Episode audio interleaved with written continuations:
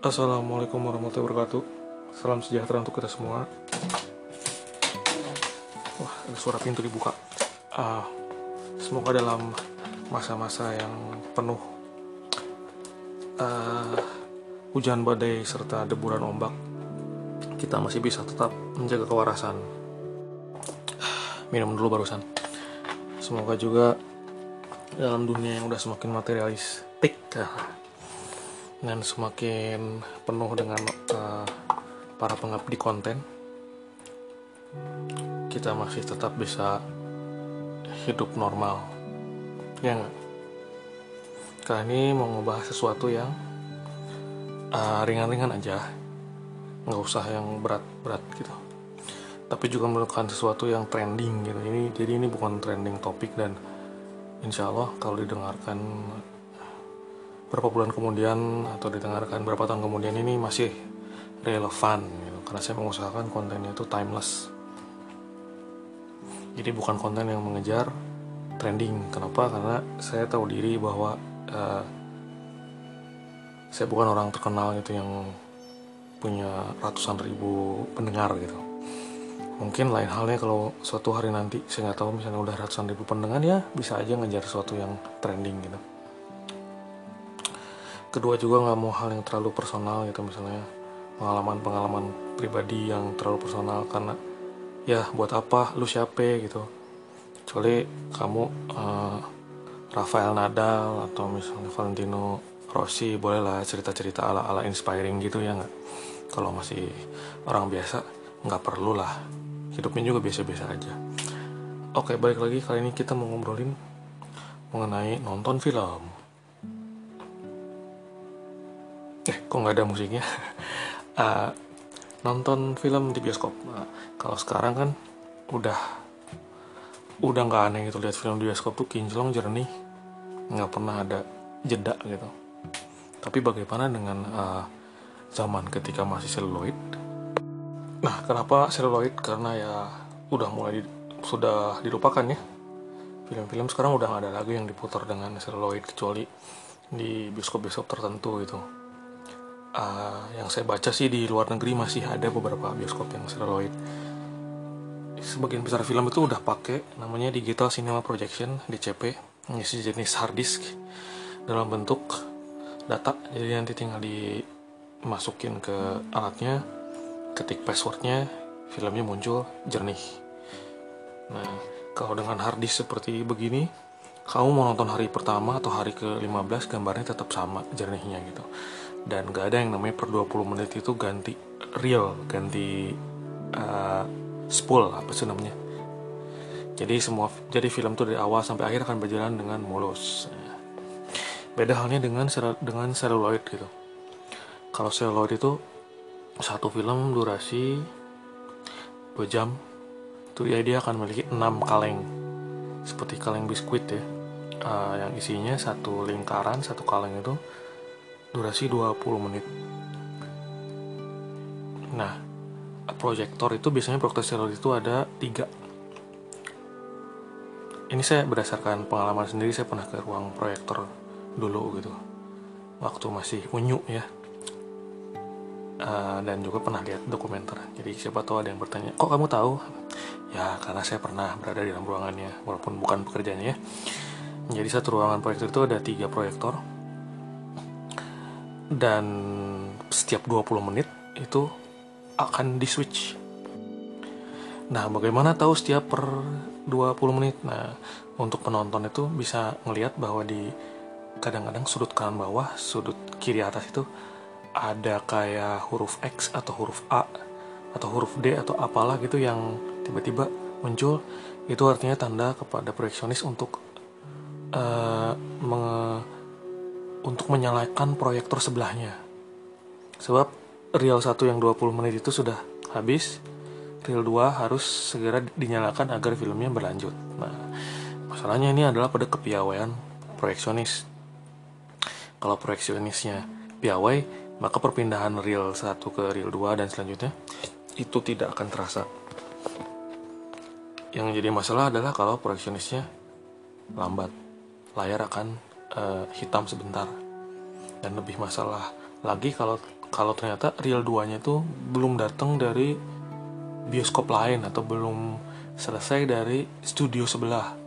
Biasanya akan muncul di layar mohon maaf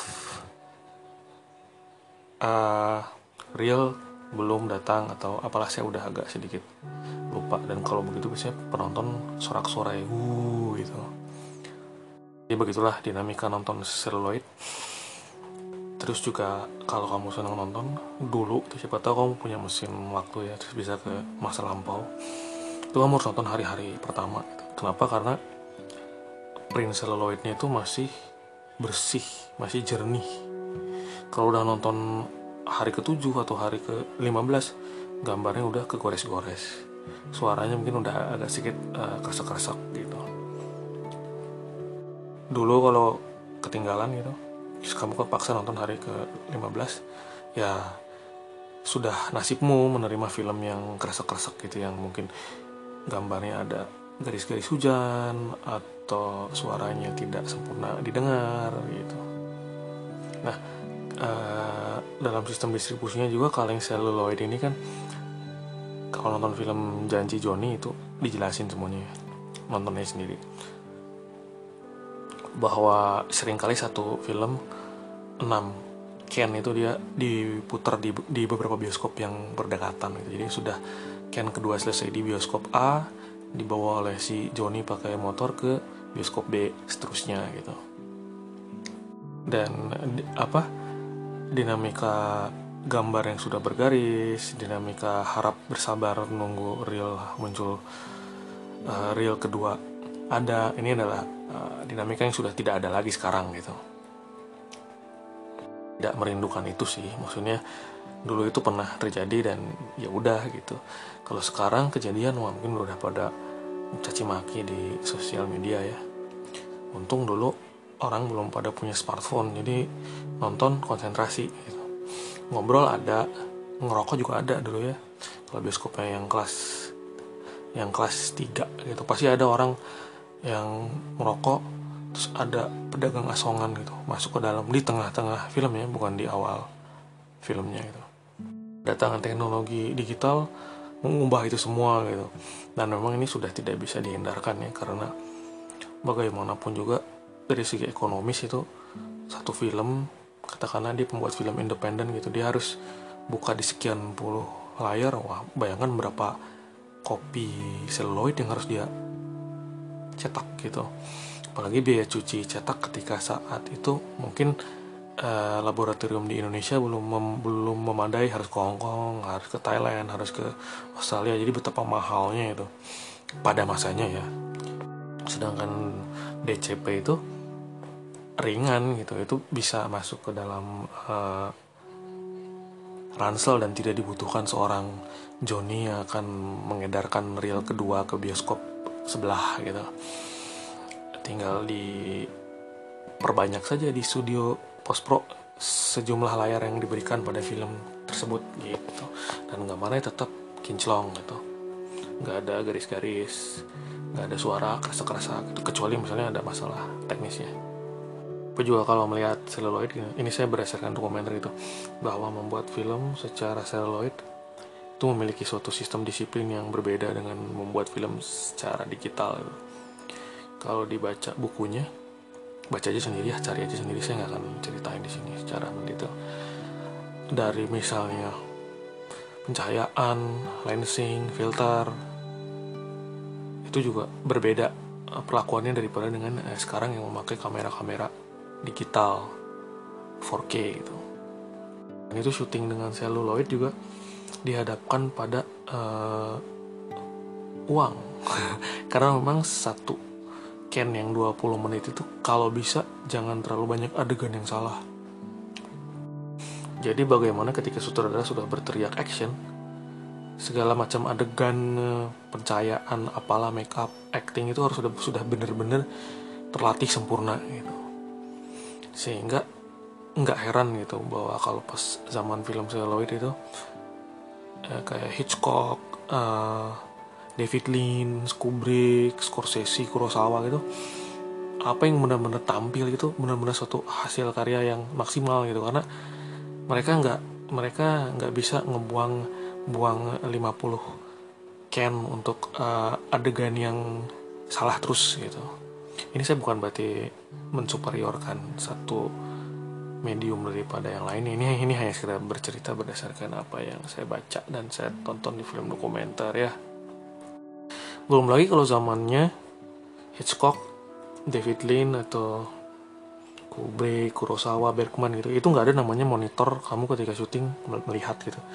Udah syuting bisa di playback bisa kelihatan oh ini maksimal. Enggak gitu. Syuting itu hasilnya baru akan kelihatan setelah filmnya dicuci di laboratorium. Dan dicucinya juga harus benar dicucinya salah terbuang semuanya adegannya. Jadi benar-benar ada suatu sistem kedisiplinan yang uh, harus ditaati gitu. Sehingga sehingga akhirnya muncul suatu karya seni yang bagus gitu. Walaupun begitu bukan berarti film seloid bagus semua kualitasnya itu ada aja sih namanya film apa ya yang kualitasnya biasa-biasa aja juga ada gitu. Ini ini hanya sekedar menjelaskan apa yang pernah saya tonton aja kalau lah ada pendengar yang pernah berkiprah dalam bidang seloid ini ya dia bisa lebih melengkapi dia bisa mem, dia dia bisa mengkoreksi apa yang saya ungkapkan ini um, seloid juga termasuk rapuh ya seperti perasaanmu ya.